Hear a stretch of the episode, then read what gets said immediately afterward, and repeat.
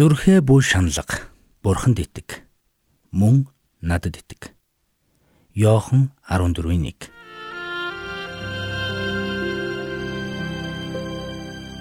Мэргэний сонсог, мэдлэгийн тэлэг.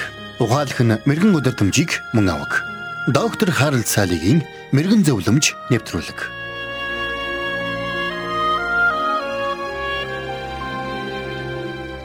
Коритен бүүм Германы хорих лагерт хоригдож байхдаа маш хүнд хэцүү зовлонг бээрээ туулан гарсан юм.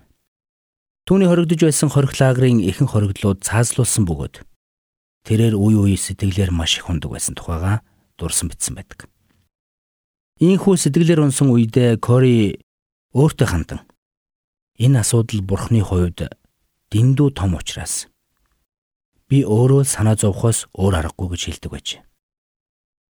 Дараа нь тэр инээмсэглээд өөртөө ямар утгагүй үг вэ хэмээн хэлсэн гэдэг. Үнэн дээр бидний амьдралд хүнд хэцүү асуудал тулгарх үед бидж бас заримдаа бурхан бидэнд туслахгүй юм шиг тэр асуудал бурхны хувьд дэндүү хэцүү юм шиг ашигладаг. Ромчуудад баривчлагдсан загалмай цовдлуудынхаа өмнө Есүс шавнартаа алгасал баярын зоог барьж байхдаа тэднийг тайвшруулж тэдэнд зүрхээ бүш шаналга хэмээн хэлсэн байдаг.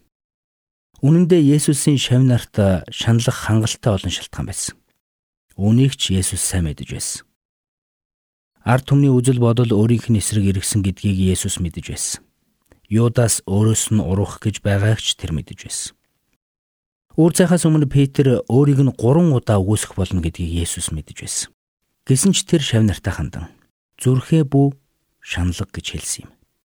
Энд гарч буй шаналх гэдэг үг нь грекээр тарассо гэдэг үг байдаг. Энэ үг нь стресстэй сэтгэл өмрөх нөхцөл байдлаас болж шаналх гэсэн утгыг илэрхийлдэг.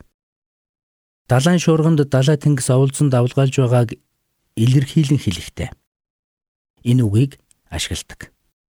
Мөн Херод хоон дорны мэрэгэн хүмүүсээс Есүсийг мэндэлснийг сонссон тухай өгүүлэхдээ Библиэд мөн энэ үгийг хэрэгэлсэн байдаг.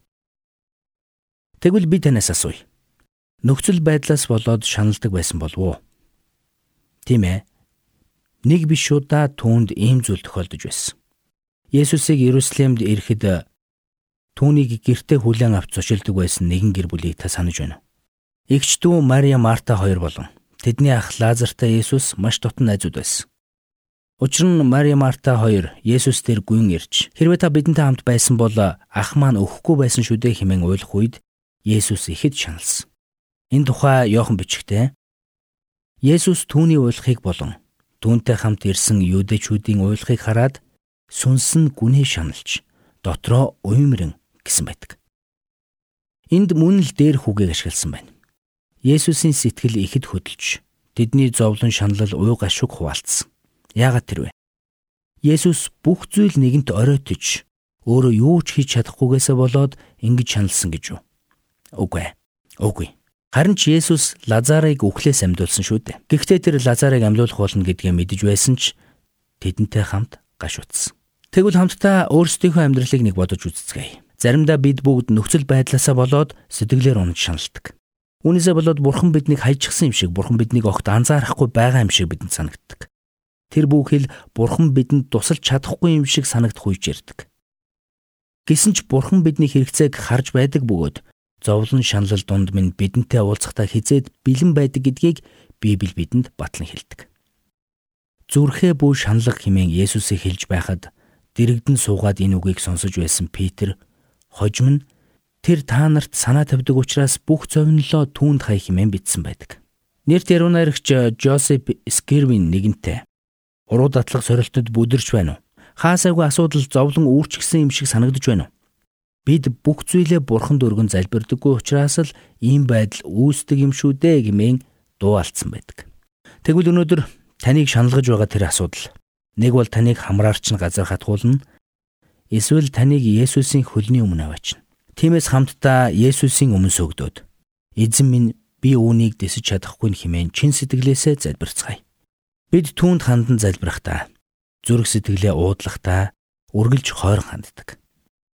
Тиймээс э, түүний өмнө очиод зүрх сэтгэлээ нээж түүнээс аврал тусламжийг хүсэн залбирцгаая.